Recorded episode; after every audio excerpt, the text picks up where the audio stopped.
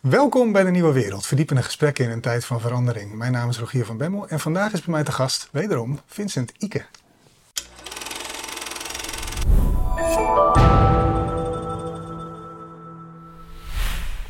Vincent, welkom.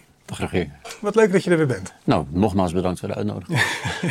ja, je, vorige, de, je vorige bezoek hier is, uh, is uh, met veel uh, plezier in de comments ontvangen. Mensen vonden het hartstikke leuk dat je er was. Dank je. Dus laten, we het gesprek, laten we het gesprek voortzetten. Er was inhoudelijk ook nog wel, we hadden vorige keer iets wat korter en er is ook zoveel te vertellen over de natuurkunde. Hmm.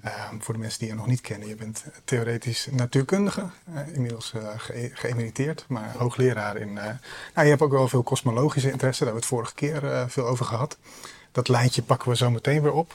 Maar het leek mij leuk om te beginnen. Uh, ik, ik, zat, uh, ik probeer ook een beetje die natuurkunde te begrijpen. Om mm -hmm. in gesprekken met jou wat goede voorzetjes te kunnen geven. En ik struikelde over het boek van, uh, van Voigt, heb ik zitten lezen. Dat is uit 2006. En hij komt met een enorme opsomming waarom eigenlijk het, de deeltjesversnellers. Dus dat zijn die hele grote ja, cirkels waar dan verschillende deeltjes op elkaar geklapt worden met enorme snelheden. Uh, hij zegt eigenlijk, ja, het is tragisch, maar de laatste is halverwege, de bouw daarvan is halverwege uh, stopgezet.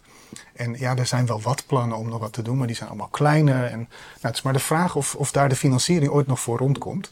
Uh, en dat was in 2006. Dus ik dacht, nou, Vincent komt langs. Laten we, ik weet dat jij uh, Blue Sky Research, dus echt het, uh, het onderzoek, fundamenteel onderzoek zonder een bepaald doel, dat jij dat belangrijk vindt. Dus ik dacht, nou, misschien is dat een leuke vraag om mee te beginnen. Hoe staat het eigenlijk voor in de financiering van, van dat soort grote projecten en experimenten? Um, eigenlijk staat die financiering er niet zo slecht voor. Um, eh, denk bijvoorbeeld aan de Euclid-satelliet. Uh, daar we vorige keer heel kort even over gehad hebben. Een satelliet die de structuur van de ruimte gaat bestuderen. Hmm. Uh, nou, je zou denken over Blue Sky gesproken, dat is natuurlijk al heel erg extreem.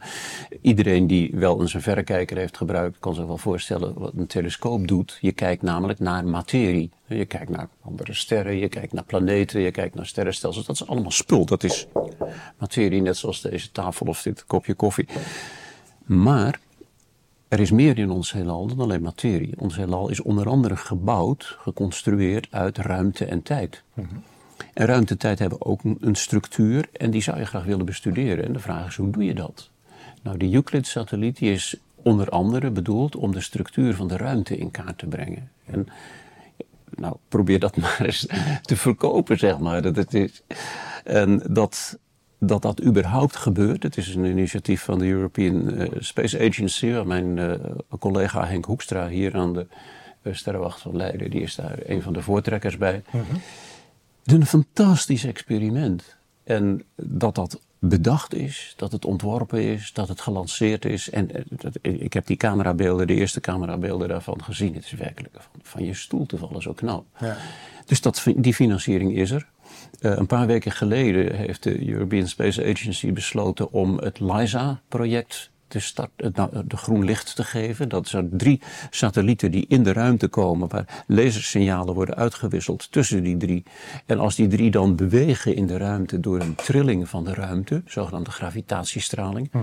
dan kunnen die LISA-detectoren dat opmeten, die kunnen dat zien. Ja, kleine voetnoot. Daar heb ik, in, uh, daar, daar heb ik uh, met Thomas Hertog hier ook al over gesproken. Dus ik heb, ah, ja. ik heb met jou over natuurkunde gesproken en met hem over, uh, ook over onder andere over dat LISA-project. Ja. En wij hebben het vorige keer inderdaad ook kort, daar gaan we zo meteen nog even op door, ja. over dat Euclid-project. Dus dat zijn echt de grote satellietprojecten, allemaal vanuit, die, vanuit de ESA. Ja. Um, dus dat is, nou ja, ja, ja, daar zit een hoop geld in. Dus dat is heel goed. Hm. Um, er is een initiatief op dit moment waarvan niet zeker is dat het door zal gaan, de zogenaamde Einstein-telescoop. Wat een, een, ook een detector van gravitatiestraling die ergens op de grens van uh, Duitsland, Limburg en België zou gebouwd moeten worden. Dat is nog heel onzeker of dat door zal gaan. Mm -hmm. Maar dat soort projecten worden wel serieus genomen. Um, de financiering waar eigenlijk een beetje een probleem mee is, is de financiering van de universiteiten. En uh, ik moet niet zeggen dat de universiteiten de enige zijn die daar uh, last mee hebben, want het gehele onderwijs in Nederland uh, ligt op apengapen. Vanwege het feit dat er gewoon niet voldoende geld naartoe gaat, niet voldoende mensen zijn. En dat is een ernstig probleem. Veel ernstiger nog dan het financieren van die grote uh, instrumenten. Ja. Nou, we hebben het hier wel vaak over het onderwijs. En, en Ad, uh, de, de, de, oprichter van dit kanaal, die heeft, dat is ook de voorzitter van Beter Onderwijs Nederland. Die zegt altijd, als geld niet het probleem is, is geld ook niet per se de oplossing.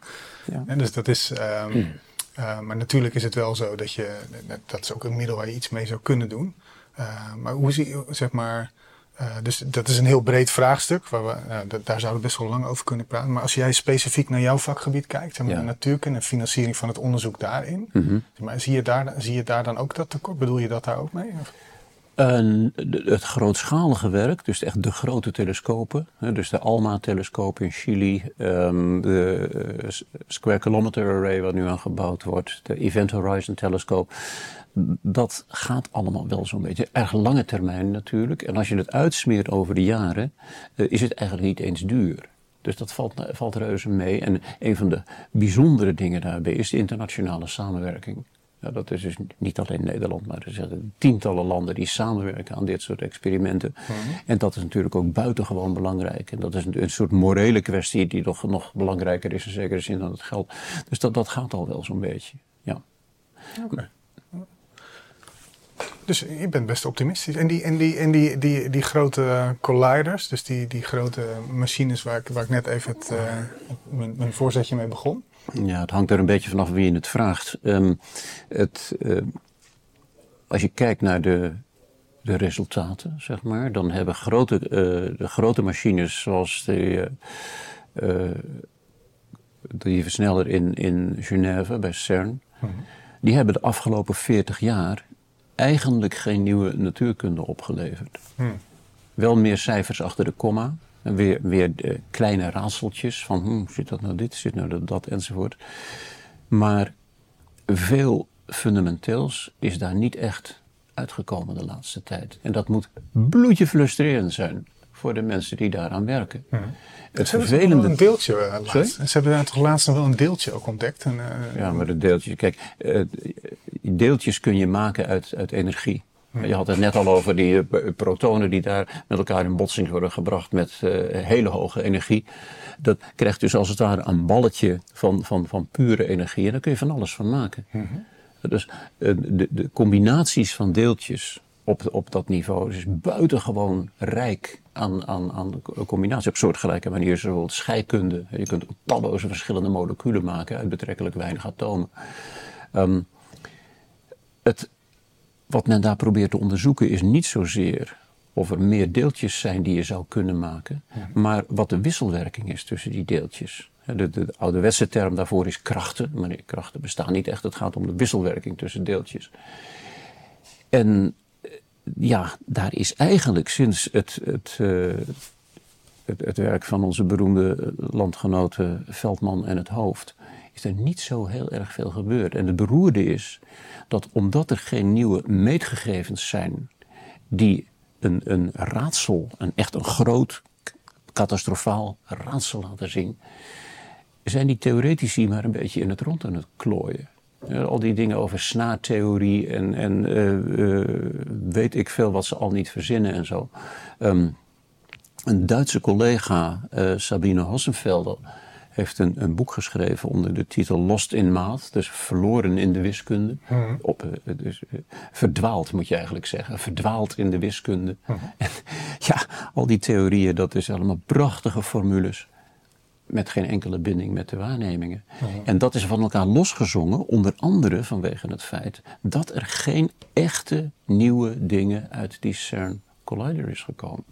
Dat is hartstikke rot voor ze, maar ja, je zit ermee. Ja, dus, dus jij zegt als ze. Dus dan, je hebt het dan eigenlijk, dus die, die, die stringtheorie, die, die hele troep rond Edward Witten en zo in Princeton. En uh, Sabine Hossenfelder is ook, die bekritiseert het. Zij heeft trouwens ook een, een YouTube-kanaal waar ze heel. Uh, ja uh, waar ze heel toegankelijk ook dingen uitleggen. Mm -hmm. Maar dat, en dus die Eric Weinstein en die Ed Witten en die hele club die nog. Uh, sorry, die Eric Weinstein zit ook een beetje op dat spoor van die kritiek juist. Hè? Op die, op die, ja. uh, en dat zit bij die, die Peter Woyd, Hossenfelder, Weinstein, die zijn allemaal een beetje tegen die superstring theorists. Ja. Zitten die, mm -hmm. ja, en jij, jij stelt je dus eigenlijk op de, in dat kamp van de mensen die zeggen: ja, jongens, we hebben helemaal niks nieuws ontdekt door jullie.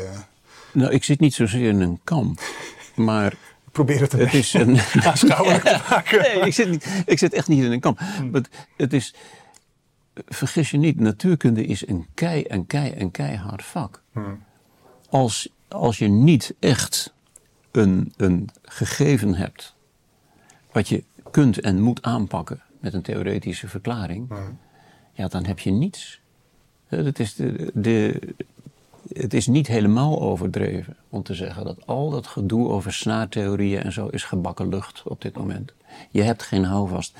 Ik krijg zoveel brieven en, en mails van overigens zeer intelligente en goed bedoelende amateurs die mij dan dingen toesturen van ja, moet je naar deze theorie eens kijken. En mijn allereerste vraag daarbij is over het algemeen. Welk probleem lost dit op? Hmm. En die vraag kun je niet alleen stellen aan mensen die zo vriendelijk zijn om mij een e-mailtje te sturen. Maar die kun je ook stellen aan de theoretici en, en natuurkunde collega's. Van wat lost dit nou op? Niks. En als ik dan af en toe eens een keertje spreek met mijn wiskundige collega's over de wiskundige merite hiervan. Hmm. Is dit nou echt interessante wiskunde? Want dat kan natuurlijk ook nog een heel mooi vak. Halen ze een beetje schouders op. Zo, ja, och. Um, en op, op fundamenteel niveau is het ook wel begrijpelijk waarom dit op dit moment niet werkt. Want als je je afvraagt wat is nu het echte dramatische verschil tussen de kwantummechanica aan de ene kant, kwantumveldentheorie, en de ja, algemene relativiteitstheorie, dus de theorie van, van, van ruimte en dergelijke, die men probeert samen te voegen. Mhm. Als je kijkt naar de formules van Einstein voor de algemene relativiteitstheorie, is het zo dat als je met een bepaalde begintoestand begint, dan ligt de toekomst vast. Mm Eenduidig. Gewoon knopje drukken. Het kan zijn dat het moeilijk is om het uit te rekenen, maar het is wel zo. Met de kwantummechanica is dat anders. Um, bij een begintoestand behoort niet eenduidig één bepaalde toekomsttoestand. Ja, dit, dit, is eigenlijk waar we vorige keer. En die twee dingen die moet je met elkaar tot dekking brengen. Mhm. En dat, dat is conceptueel moeilijk, want die twee dingen sluiten elkaar eigenlijk uit. En nu zijn er wel uh, uh, benaderingen waar mensen uh, zeggen van ja, maar wacht even, we kennen dat uit bijvoorbeeld de, de, de statistische mechanica, dus de, de warmteleer of wat, wat er gebeurt met, met een hele grote hoeveelheid moleculen en zo. Mhm. Ieder molecuul gedraagt zich keurig netjes, maar gezamenlijk lijkt het alsof het water vloeibaar is. Zeg maar. nou, eh, dat kun je natuurlijk ook doen met, eh, met veldentheorie. Je zegt die velden die, die gedragen zich zo dat gezamenlijk maken ze dan een bepaald verschijnsel. Um, maar dat, dat levert geen meetbare resultaten op. Dus niet zo dat je. Zo, werken we altijd in de natuurkunde. Je, kunt verzinnen wat je wilt. Dat is echt prachtig. Uh, verzin een hypothese. Op grond van die hypothese ga je kijken of je een voorspelling kunt doen. En dan moet je iets voor uitrekenen. Zo van, als het klopt dat, puntje, puntje, puntje, dan zou je moeten meten dat, puntje, puntje, puntje, in je laboratorium. Nou, ga een experiment doen. En als het klopt, dan mag jouw theorie nog even blijven. En als het niet klopt, ja, sorry, dan moet je terug naar af. Mhm. En die stap, die is er niet. Want die grapjassen met hun, hun uh, veldentheorieën en, en hun, hun snaartheorieën en zo, mhm. die zijn nog nooit gekomen met iets wat je op deze manier zou kunnen testen. Nou, niet helemaal waar. Dat, dat, dat neem ik terug wat ik daar zei. Uh, Verlinde, een, Nederlandse collega, ja. die heeft ooit een voorspelling gedaan over de manier waarop sterrenstelsels zich zouden gedragen op grote schaal, mhm. die in principe toetsbaar is. Daar is ook inderdaad een toets voor gedaan. Mhm dat werkt niet helemaal zo goed, maar ik moet inderdaad wel zeggen dat dat is een van de weinige gevallen waarbij een theoreticus een uitspraak heeft gedaan die je dan vervolgens door waarnemingen, in ons geval sterrenkundige waarnemingen, kunt proberen te verifiëren. Ja, dus het is een. Uh, ja, grappig. Dus we komen eigenlijk van die financieringsvraag, even de, de toestand van de wetenschap. Uh, ik weet dat het jou ook aan het hart gaat. Komen we eigenlijk, nou ja, het is het, het, is allemaal zo slecht nog niet, maar algemeen in het onderwijs is er natuurlijk wel iets te zeggen. En, mm nou, dat lijkt me op zich een terechte, terechte opmerking. En dan komen we eigenlijk al heel snel in, ja, wat, dat, dat dus die deeltjesversnellers eigenlijk niet zoveel nieuws hebben opgeleverd. En vervolgens komen we al in het hart van nou ja, de kwestie in de, in, de, in de natuurkunde op dit moment. In ieder geval in de, in de kosmologie. Dat er, of nee, in, in de natuurkunde algemeen kan je eigenlijk wel zeggen. Dat je dus eigenlijk ja, twee, twee verschillende... Uh, of dat je, dat je één kamp hebt die dus heel erg met die wiskunde bezig zijn. Maar die nog niks voorspeld hebben. En een ander kamp waar, waar jij dan... Nou, ik mag je niet als deelnemer in een kamp noemen. Maar en dus mensen die gewoon zeggen... Ja jongens, we hebben, een, we hebben twee verschillende theorieën. En het is eigenlijk niet duidelijk uh, hoe we die bij elkaar kunnen brengen. En wat we nodig hebben, ja, is nieuwe data of is iets meetbaars. En vandaar ook jouw enthousiasme. Nou, daar hebben we de volgende keer natuurlijk, vorige keer natuurlijk ook, uh, hebben we de draad ook opgepakt bij Euclid. En uh, nou, je noemde Lisa ook al even. Um, ja, dus dat is, is, is dat nou iets wat op elke natuurkundeconferentie, als ik, als ik daar binnen zou, zou ik dan zeg maar die kampen ook zien staan? Of is dit allemaal, is het wat subtieler dan? Dus hoe zou, hoe zou je je vakgebied, de toestand in je vakgebied beschrijven? Wat is daar, wat is daar gaande? Voor de natuurkunde durf ik daar niks over te zeggen. Het is uh, ook vanwege COVID nogal een tijd geleden dat ik gewoon op een natuurkundeconferentie ben geweest. Dus dat, dat zou ik eigenlijk geen antwoord op durven geven. Hmm. Um, binnen de, de sterrenkunde uh, is het zo dat we gewoon vriendelijk vechtend uh, over de vloer rollen. Okay. En dat is heel fijn. Als je kijkt wat in de afgelopen decennia er al voor prachtige nieuwe dingen gevonden zijn, ook verklaringen, berekeningen, theorie, um, op sterrenkundig gebied, dat gaat helemaal fantastisch. En dat betekent niet dat we uh, gewoon uh, rustig naar huis kunnen gaan van nou het is allemaal al wel in orde, helemaal niet.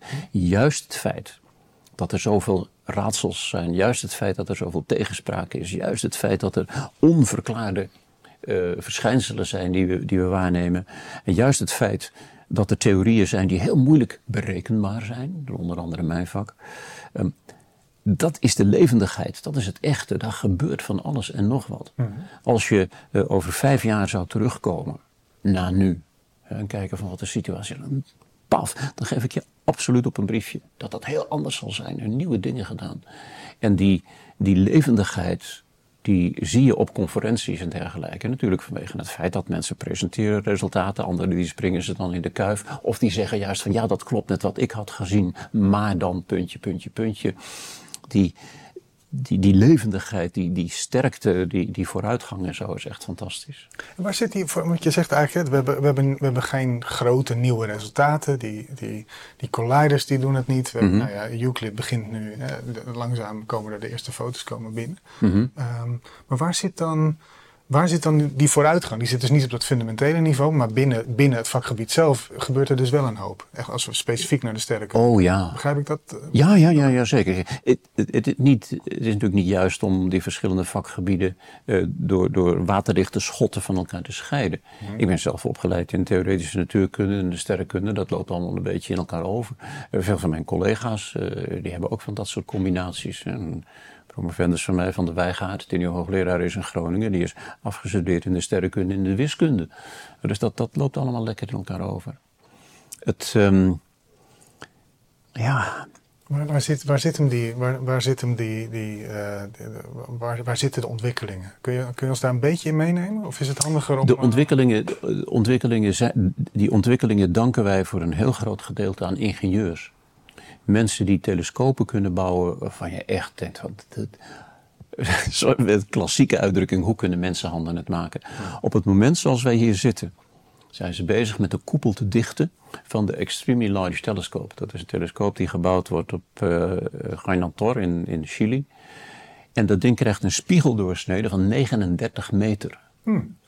Vandaar deze kamer door, de volgende kamer door en dan nog een stukje. En dat is één telescoopspiegel. Ja, er bestaat wel uit losse stukjes. En die stukjes worden allemaal zodanig bestuurd dat ze gezamenlijk één perfecte spiegel vormen. Hmm. Um, staat die op één plek? Of is dat dat ding wat op allerlei plekken staat? Uh, nee, nee, nee. Dat was wat anders. Een radiotelescoop. Oh, okay. Een apart verhaal. Dat is ook, ook heel mooi hoor. Dit is die, die uh, Square Kilometer Array. Maar dit is één, één... Je kent hier in Leiden de Sterrenwacht, hè? Dat is zo'n zo'n zo'n zo'n zo'n stuk van de, van de witte singel die daaromheen gaat.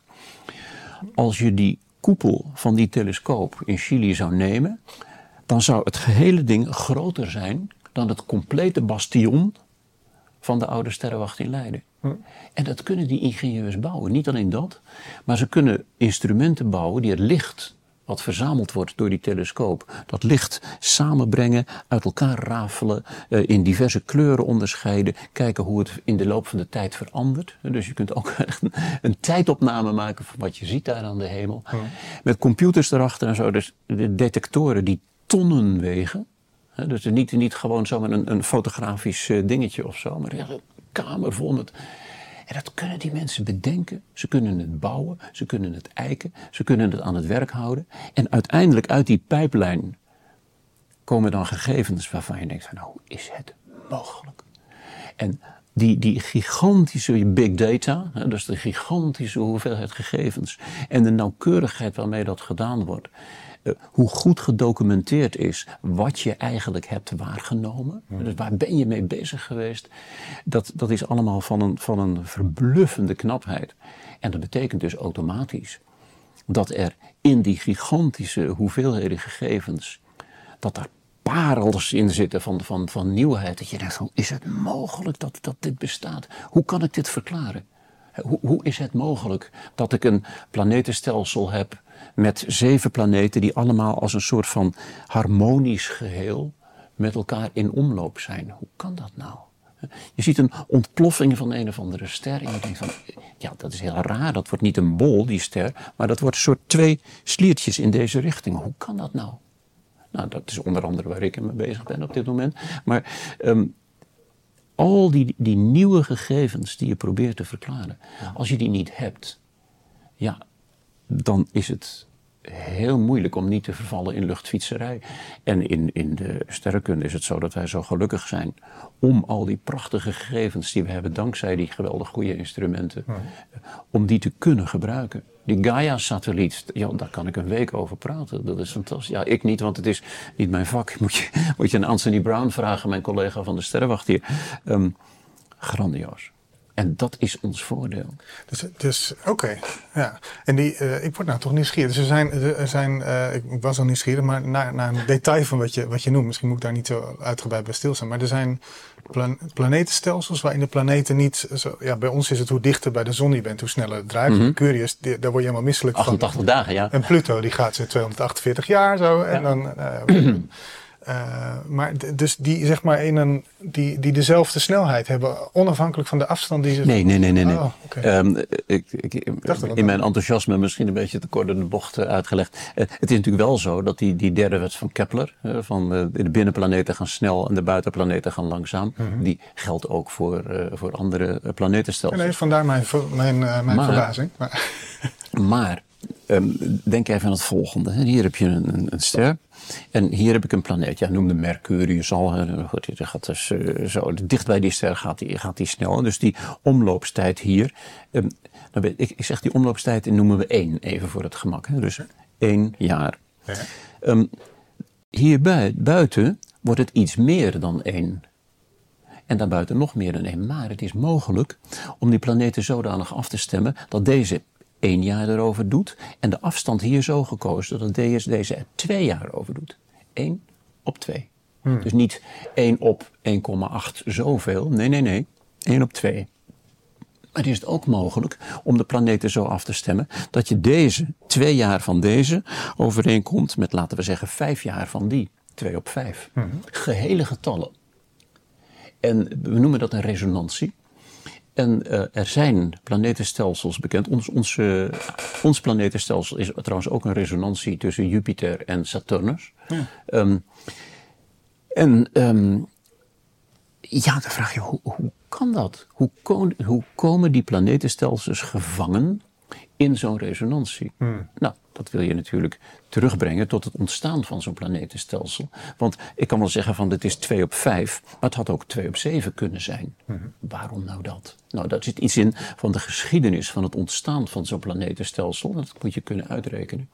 En bijvoorbeeld mijn collega Simon Portugies Zwart, hier, die hoogleraar theoretische sterrenkunde is, die houdt zich onder andere met dat soort dingen bezig. De werkgroep van uh, professor van Dishoek, Ewine van Dishoek, die zet hem te kijken naar die al die verschillende uh, planetenvormingen en dingen. En Nienke van der Marel, een nieuwe collega van ons hier op de Sterrenwacht, ook met dat soort dingen. Dus allemaal proberen erachter te komen hoe zit dat dan met die nieuwe waarnemingen die we hebben gekregen. Echt, dit zijn toptijden, joh. Ja, leuk. leuk.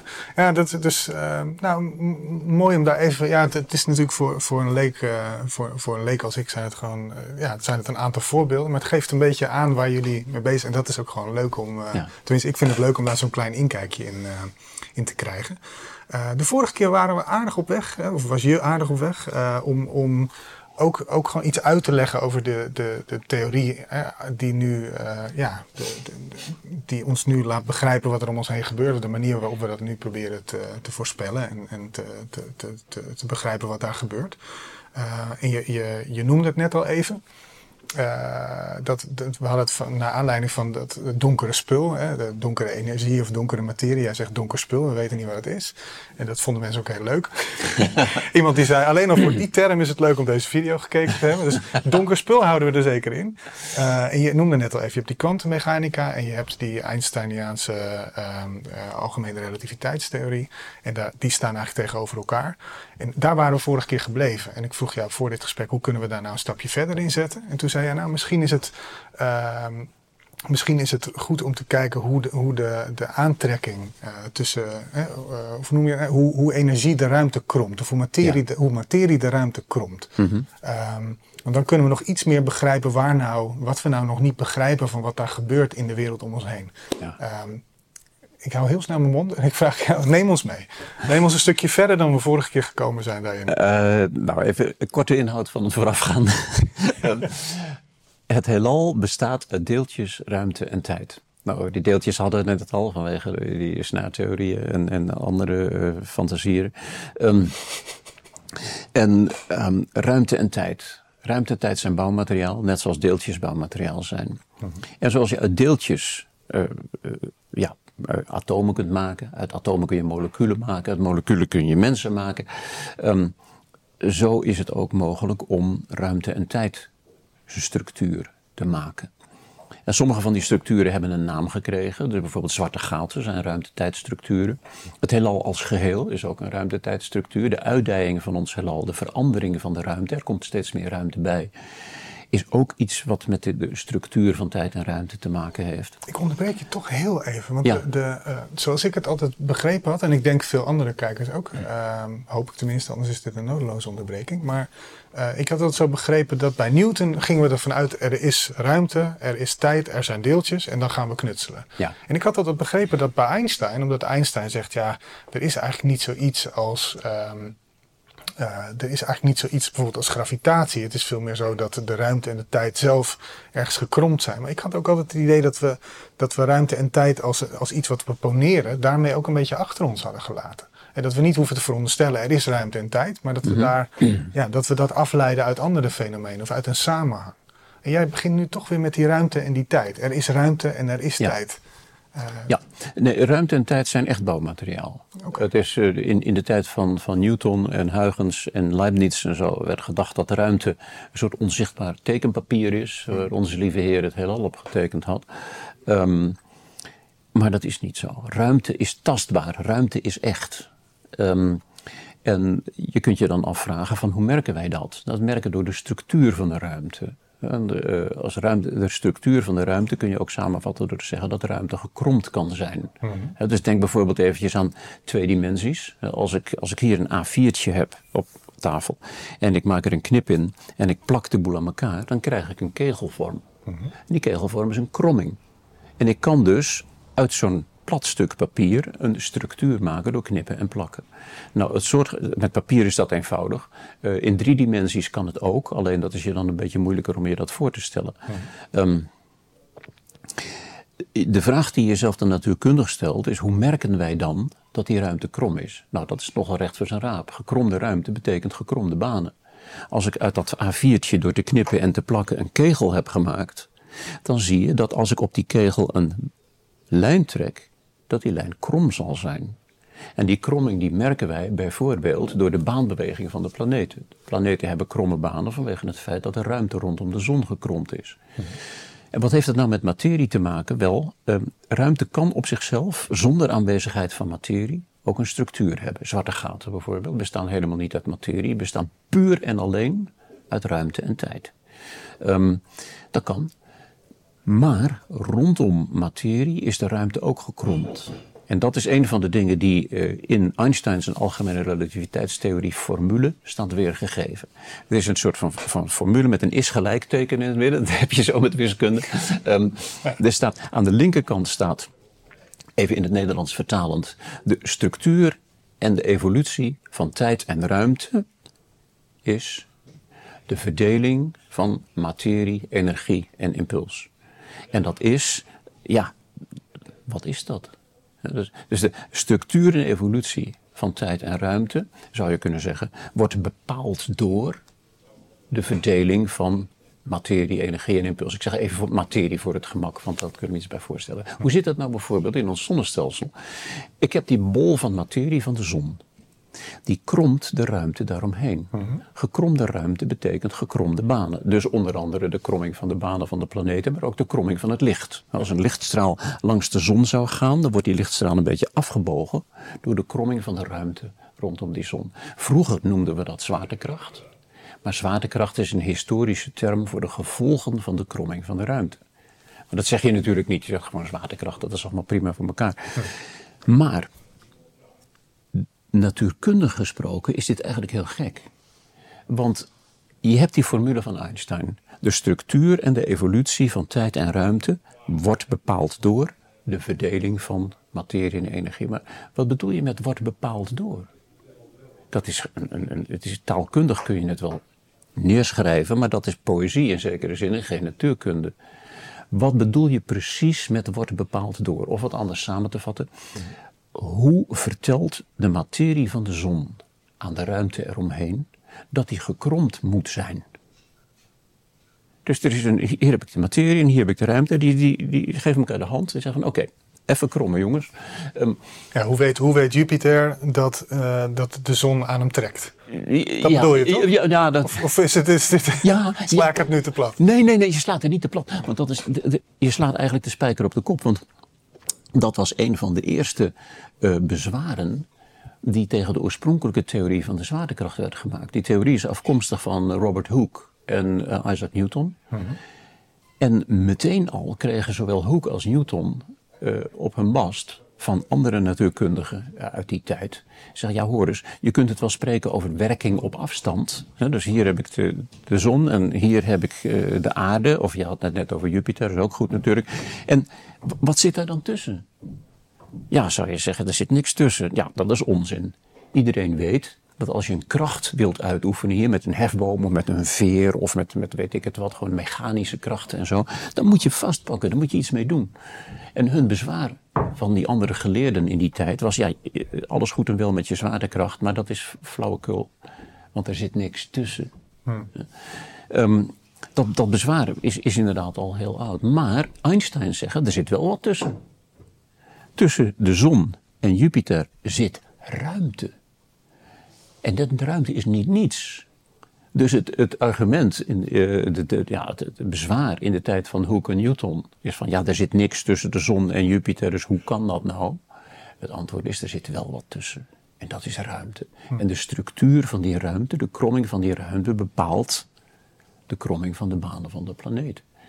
Maar wat niet duidelijk is, is hoe die materie van die zon dat flikt. Hoe legt die materie dat aan boord? Er moet een, op natuurkundige termen noemen we dat een wisselwerking. Hè, bijvoorbeeld eh, met elementaire deeltjes ook, die botsingen van elementaire deeltjes. De formele term daarvoor is wisselwerking. Er moet een wisselwerking zijn tussen materie, tijd en ruimte. En die wisselwerking zit verborgen, die zit stiekem opgesloten in dat is gelijkteken van de Einstein-formule. Mhm. Maar ja, dat, je zou dat is gelijkteken weg willen hebben. je zou, um, en, Noem toch nog even, de, de, ik ben een paar keer, eh, ik struikel er nu toch over. Welke formule is dat? Is dat? dat is de, de, de veldenformule van de algemene relativiteitstheorie. Als mensen dat zouden willen opzoeken, dan. Uh... Ja, um, de, er is een, een wiskundig object, dat heet de metrische tensor. Dat is een, een, een 4 bij 4 ding met 4 bij 4 uh, getalletjes erin, zeg maar. Mhm. En uh, 4 bij 4 is ook begrijpelijk, hè? 3 voor ruimte en 1 voor tijd. 4 bij 4 heeft 16 dingetjes. Die zijn niet allemaal onafhankelijk van elkaar, maar dat is een wiskundig detail. Um, die metrische tensor beschrijft de structuur van een bepaald stukje vierdimensionale tijdruimte. En de eh, formule van Einstein die zorgt ervoor dat die, die, die metrische tensor, het gedrag daarvan, wordt vastgelegd. Dat is, de, de, de, is een of andere, het is niet al te lastig om dat te laten zien, maar dat ga ik nu even niet doen. Um, het geniale van Einstein was dat hij dat vastknoopte aan het gedrag van materie. Dus dat is gelijkteken. En aan de rechterkant is er ook een, een 4 bij 4 rooster. En in dat 4 bij 4 rooster, rooster staat als het ware de verdeling van massa, energie en impuls. En dat is, het is een soort, soort spreadsheet.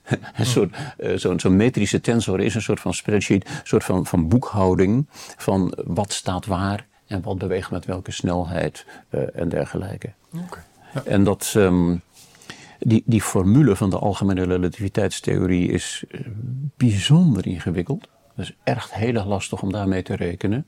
Uh, men, men, kan dat tegenwoordig via allerlei listige wiskundige trucjes en hele goede computers kan men dat heel goed doen. Je kunt bijvoorbeeld, als je twee zwarte gaten hebt die om elkaar heen draaien, kan men dat, mijn collega's in Nijmegen doen dat onder andere, uh, kun je uitrekenen wat er met die twee zwarte gaten gebeurt en hoe ze samen smelten en één groot zwart gat vormen. En zo. Um, ik kan dat zelf niet, want het is technisch extreem ingewikkeld. Maar uh, die, die, die formule die is weliswaar heel weerbarstig, maar, maar het, werkt, het, werkt, werkt uitstekend. Alleen wat niet werkt, althans wat wel werkt, maar waarvan we niet weten waarom en hoe het werkt, is hoe zit die materie nu vast aan tijd en ruimte? Ja, um, gaat er maar aan staan. Ja. Dus we hebben, geen, we hebben geen theorie, we weten dat het zo werkt, of in ieder geval op, op, het, op het niveau waarop wij fenomenen waar kunnen nemen en kunnen toetsen, werkt het zoals die formule het voorspelt. Of, mm of uh, uh, ja, het in kaart brengt. Ja. Maar uh, hoe, dat, hoe, dat, hoe dat verband, hoe we dat, hoe we dat kunnen begrijpen, dat is. Ja. Eh, en eh, wat hier natuurlijk nog bij komt, um, is het lastige dat als je jezelf afvraagt, wat staat er aan de rechterkant van die formule van Einstein, dus de verdeling van massa, energie en impuls, mhm. dan weten wij, inmiddels uit sterrenkundige waarnemingen, dat dat spreadsheet van wat daar nou is, voor 95% gevuld is met dingen waarvan wij geen idee hebben hoe het in elkaar zit. Dus 5% is gewone materie, zoals de materie van, van, van jou en ik, um, van jou en mij. Maar 95% is, zoals je juist al zei, donker spul. Hmm. En um, we weten met zekerheid uit sterrenkundige waarnemingen dat dat donkere spul zich niet gedraagt zoals gewone materie. Er zijn, er zijn twee, ik geef je een voorbeeld. Eh, er, is een, er zijn twee zwermen van sterrenstelsels. Dus, toch nog die even, met elkaar wat, in botsing. Wat, wat doet die, voordat, we die, voordat ja, nee, je dat uitlegt, wat, die, die, dat donkere spul, zeg maar, wat binnen die, hè, dus je zegt uh, energie, massa en impuls, mm -hmm. die drie dingen noem je, en je zegt eigenlijk een heel groot deel daarvan moet uit iets, hè, we weten dat het er is. Um, ik heb daar twee vragen over. Vraag 1 is, je zou kunnen zeggen, dus hij werkt niet, die formule, want er is niet genoeg massa. Uh, en het tweede is, als, als er dan wel donker spul is, op welke, op welke as is dat massa? Is dat energie? Is dat impuls? Weten we niet. Oké, okay. maar waar, en waarom zeg je dan toch dat die, dat die formule werkt? Omdat je het erin kunt invullen. Aan, aan de rechterkant van de formule van Einstein staat de verdeling. Dus een, soort spreadsheet van, de, van vier bij vier uh, vakjes. Uh, waarin staat wat de verdeling is van massa, energie en impuls. Maar er staat niet bij wat voor soort dat is. Dus het is niet specifiek weergegeven van, nou, ik heb zoveel procent elektronen, zoveel procent quarks, zoveel procent gluonen, bla bla bla, noem de hele fijne spulletjes maar op. Nee. Um, er staat alleen maar, deze vakjes moet je invullen om de materiële inhoud weer te geven. Hmm. Maar wat voor soort materie dat is. Ja. Um, en het, het blijkt dat 95% van wat je daar moet invullen op dat, die, die, die, dat heet een tensor, maar dat is verder niet zo interessant. Wat je in, in die, die tensor, in dat spreadsheet zou moeten invullen, mm -hmm. daarvan is sterrenkundig duidelijk dat het er is. Want we zien de consequenties daarvan. Uh, ik heb al gezegd, die, die uh, zorgt ervoor dat de kromming van tijd en ruimte er is. Die kromming kan niet worden verklaard door alleen de aanwezigheid van sterren en planeten en het gewone spul waar jij en ik van gemaakt zijn. Maar er moet meer zijn. En niet een beetje meer, maar heel veel meer. En, um, en dat is dan dus meer massa, meer impuls. Dat weten we niet. Er is iets wat. Er is iets. Er is meer. Ja, er is meer. Dus eigenlijk zeg je, die formule klopt niet en we noemen het donker spul. Nee, nee, nee, die formule klopt wel. Alleen de waarnemingen laten zien dat we in die formule nog meer moeten instoppen dan hm. we gedaan hadden. Dus zeg maar, ik heb weer dat, dat spreadsheet, hè, die, die, die eh, energie-impulstensor. Ja. En ik stop daarin alles wat ik weet van de aanwezigheid van sterren, planeten, sterrenstelsels enzovoort. Dan kan ik er dus dan doen. Hè. Dus zoveel kilogram per kubieke meter hier en zoveel kilogram per kubieke meter daar en met die en die snelheid. Het hele zwikkie. Als ik dat doe en ik reken uit wat de gevolgen zijn, dan klopt het niet. Er moet meer zijn. Dus die formule klopt wel, alleen ik moet er grotere getallen in stoppen. Op het gevaar af dat mijn eigen domheid onze tijd opslokt, maar uh, ik zou zeggen, als we, als we, als we dan, waar, waarom zeg je dan dat hij wel werkt? Zeg maar, hè? Dus we weten hier bijvoorbeeld in ons zonnestelsel, neem ik aan, weten we vrij goed mm. welke massa's en met welke energie en welke mm-hmm. impulsen we aan de gang gaan. Is het dan zo dat hij op die schaal, dat hij precies klopt en dat als je op een grotere schaal gaat, dat er dan materie mist? Ja. Uh, vandaar ook dat die mensen met die, uh, we hadden het net over dat krantenartikel, dat was eergisteren stond dat in de Neue Zürcher Zeitung, dat die, die mond, de, de mond uh, mm-hmm. aanhangers, dus van een gemodificeerde Newtoniaanse dynamica, die zeggen eigenlijk dat uh, gravitatie op een andere manier werkt. Dus die laten eigenlijk die donkere materie weg en die zeggen het is, nou ja, er is een ander verband tussen aantrekking en afstand. Ja. Maar dat blijkt dan dus ook niet te werken. Maar dat, daar komt dat, uh, dat verhaal dus van. Dat, nou, dat is een mogelijkheid. Dus op onze schaal werkt het sowieso. En op grotere schalen, dus die, die, mm -hmm. die galaxieën die op elkaar klappen, waar je net, uh, mm -hmm. het voorbeeld dat je net begon te geven voordat ik je ruw onderbrak. Ja. Uh, daar zien we eigenlijk dat het niet meer werkt. Dus het werkt, we zien dat het werkt in ons zonnestelsel. Op grotere schalen missen we iets. En, ja. dat, en dat noem je donker spul. Ben ik dan... Dat klopt, ja. Nou, ik kan het je laten zien. Stel je voor, hè, we hebben hier de zon. Doe het een beetje dichtbij, dan, zien de kijker, ja, uh, um, dan ziet de kijker het ook. Hier, zie, hier ziet iedereen het. Oké, okay, nou goed. Hier, we, we, hadden het er net al over. Hier is de, de zon en hier is een, een planeet. Laten we zeggen, het is Jupiter of zo. Mm -hmm. Nou, um, dan kun je voor een gegeven hoeveelheid materie in de zon kun je laten zien dat het Jupiterjaar, dus hoe lang er voor nodig is om één keer om de zon te gaan, hoe lang een Jupiterjaar moet zijn. Ongeveer 12 jaar. Zoiets. Ja. Nu gaan we de afstand groter maken. Gewoon bij Saturnus. Als dit klopt, dit verhaal, mm. dan kan ik uitrekenen wat ik verwacht dat het lengte van het jaar zou zijn van een planeet die verder weg is. Mm -hmm. Je had het eerder in ons gesprek al over Mercurius. Nou, dat is 88 dagen. We weten van de aarde is het is een jaar en het is van Jupiter is het 12 jaar of daaromtrent enzovoort. Ik kan dus uitrekenen wat de baanperiode zal zijn van deze verder wegzijnde planeet. Mm -hmm. En wat blijkt nou?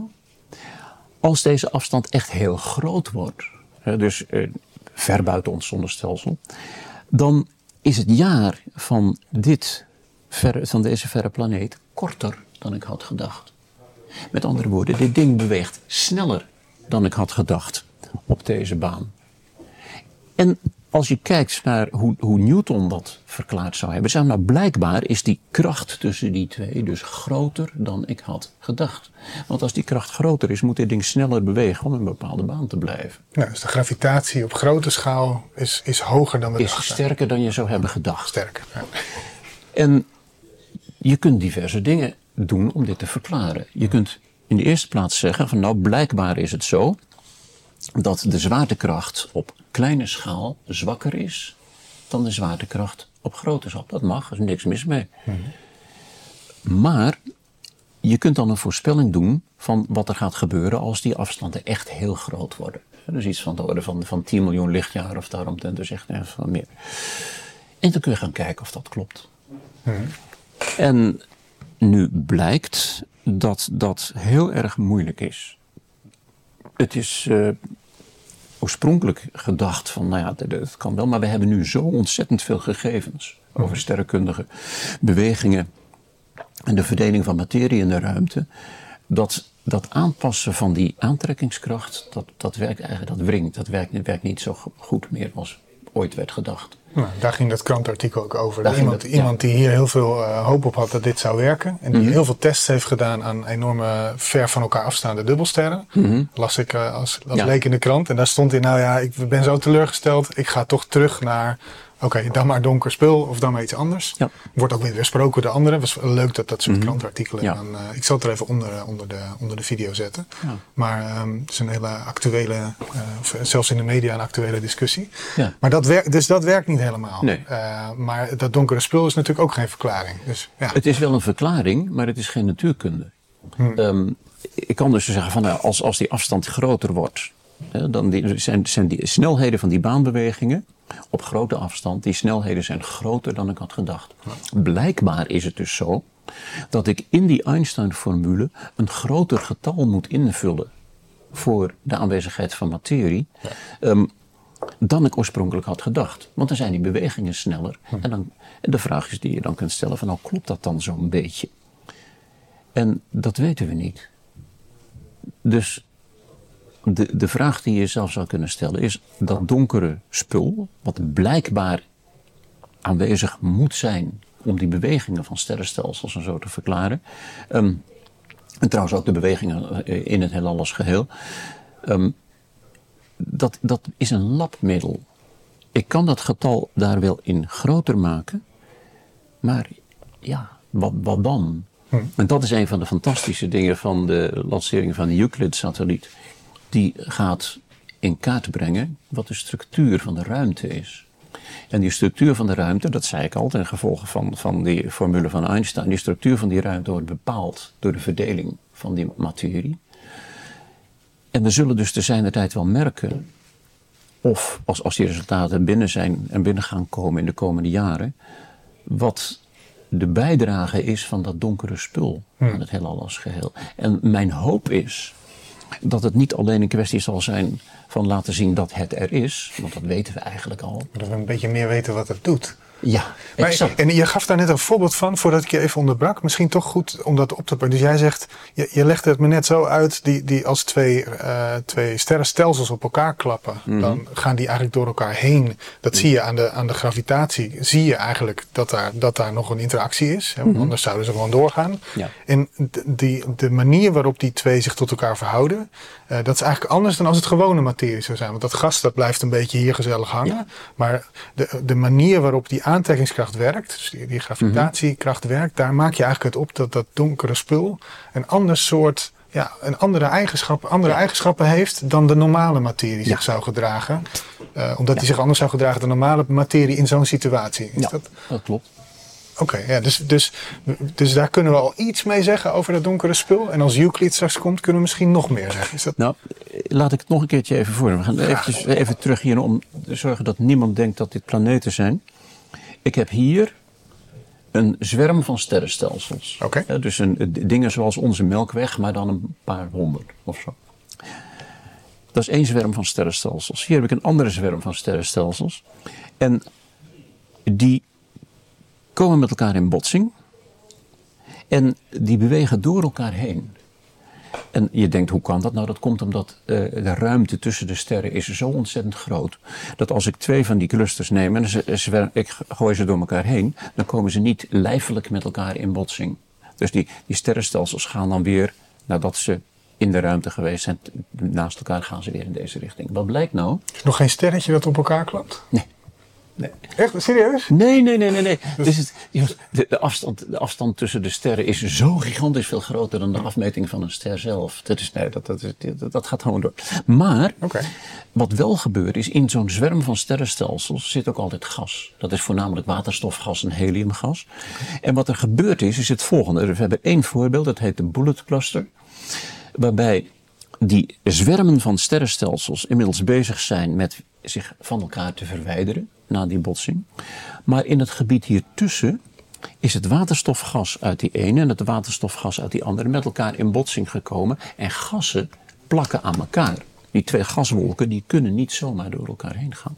Dus tussen die zwermen van sterrenstelsels hier heb ik hier een wolk En die wolk die bestaat uit waterstof, gas en, en, uh, helium en zo. Wat blijkt nou? Je kunt door te kijken naar de snelheden en, en de vorm van het licht hier, kun je ook een beetje in kaart brengen waar die donkere spullen zitten. Wat dat donkere spul, zogenaamde materie, waar dat is. En dat blijkt hier te zijn. Dus, we hebben de volgende situatie. Eén groep van sterrenstelsels. één groep van sterrenstelsels. Hier tussen een wolk van waterstofgas.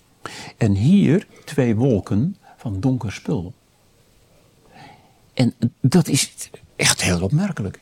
Want dat donkere spul, dat is dus ook door elkaar heen gegaan zonder samen te klonteren. Dus dat donkere spul gedraagt zich niet zoals gewone materie, zoals waterstof, gas, weet ik het wat. Want dan zou het ook in het midden zitten. Maar dat doet het niet. Hm. En dat is nou een van de dingen waar ik geweldig veel hoop voor heb voor de toekomst. Want wat je wilt, en dat zei jij zelf zojuist een, een, een, een minuut geleden, zei je dat zelf al. Je wilt niet alleen kijken wat, waar het is, maar ook hoe het zich gedraagt. En als je bijvoorbeeld denkt aan de structuur van gewone materie, de gewone materie waar, waar, waar wij gebouwd zijn en zo, die structuur van die materie, die zijn we op het spoor gekomen door te kijken wat er gebeurt als je bijvoorbeeld het volume verandert. De ideale gaswet, je fietspomp. Ik heb hier een fietspomp en ik druk de, de hendeldruk ik omlaag. En ik kan meten wat de druk is en de temperatuur en de hoeveelheid deeltjes per kubieke centimeter enzovoorts. Dus die, de manier waarop dat, die lucht zich gedraagt in die fietspomp kan ik meten door de weerstand van de, van de hendel van die fietspomp te mhm. meten en de druk en al die andere mooie dingen. Iets soortgelijks zou je met dat donkere spul willen doen. Als ik meer donker spul samenbreng, wordt de druk dan hoger is er wel zoiets als druk? Weet je veel? Um, is er wel zoiets als temperatuur? Er wordt gesproken over donkere, koude materie. Maar koud, ja, dat is maar een woord. Wat bedoel je daar nou precies mee? Is er zoiets als temperatuur voor dat donkere spul? Enzovoort, enzovoort. En dan zou je zeggen van ja, die bullet cluster waar ik het net over had, dat is maar één ding. Waar we dat dan hebben kunnen zien. Maar dat is niet genoeg. En daarom is die Euclid, dat Euclid-experiment ook zo fantastisch. Want dan kun je in principe door een enorm groot stuk van ons heelal in kaart brengen wat de samenhang is tussen de hoeveelheid donker spul, eh, de, de kromming van de ruimte daar ter plekke, eh, de hoeveelheid baryonisch materiaal, dus het gewone eh, atomenspul waar wij uit gemaakt zijn. Hoe hangt dat allemaal met elkaar samen? Mhm. En als je dat op die manier doet, dan hoop ik dat je inzicht krijgt in de manier waarop dat donkere spul zich gedraagt. Ja. En dan zou je misschien kunnen zeggen, ah, maar wacht eens even. Als dat donkere spul zich zo gedraagt, dan betekent dat dat het waarschijnlijk zus en zus en zo gebouwd is. Dus niet uit, uit elementaire deeltjes bestaat, maar weet ik veel wat voor deeltjes het zouden kunnen zijn. Als het überhaupt deeltjes zijn. We moeten naar een afronding toe. dat is, uh, maar ik, uh, niet, niet voordat we een, een, laatste eindje aan elkaar uh, hebben geknoopt. Namelijk, jij zei net, een van de grote mysteries is als we naar de ruimte-tijd kijken. En dat is nog een heel ander verhaal wat, wat dat dan precies is, maar daar komen we een andere keer nog wel op. Maar je, je zei, die ruimte en die tijd, die, die kromt. En daardoor weet Jupiter, oké, ik moet om die zon heen. En jij zegt, ja, hoe communiceren die nou met elkaar? En toen begonnen we, hè, toen kwamen we hmm. uiteindelijk ook op, uh, op donker spul, omdat dat ergens een rol speelt in hmm. die, in die uh, vergelijking.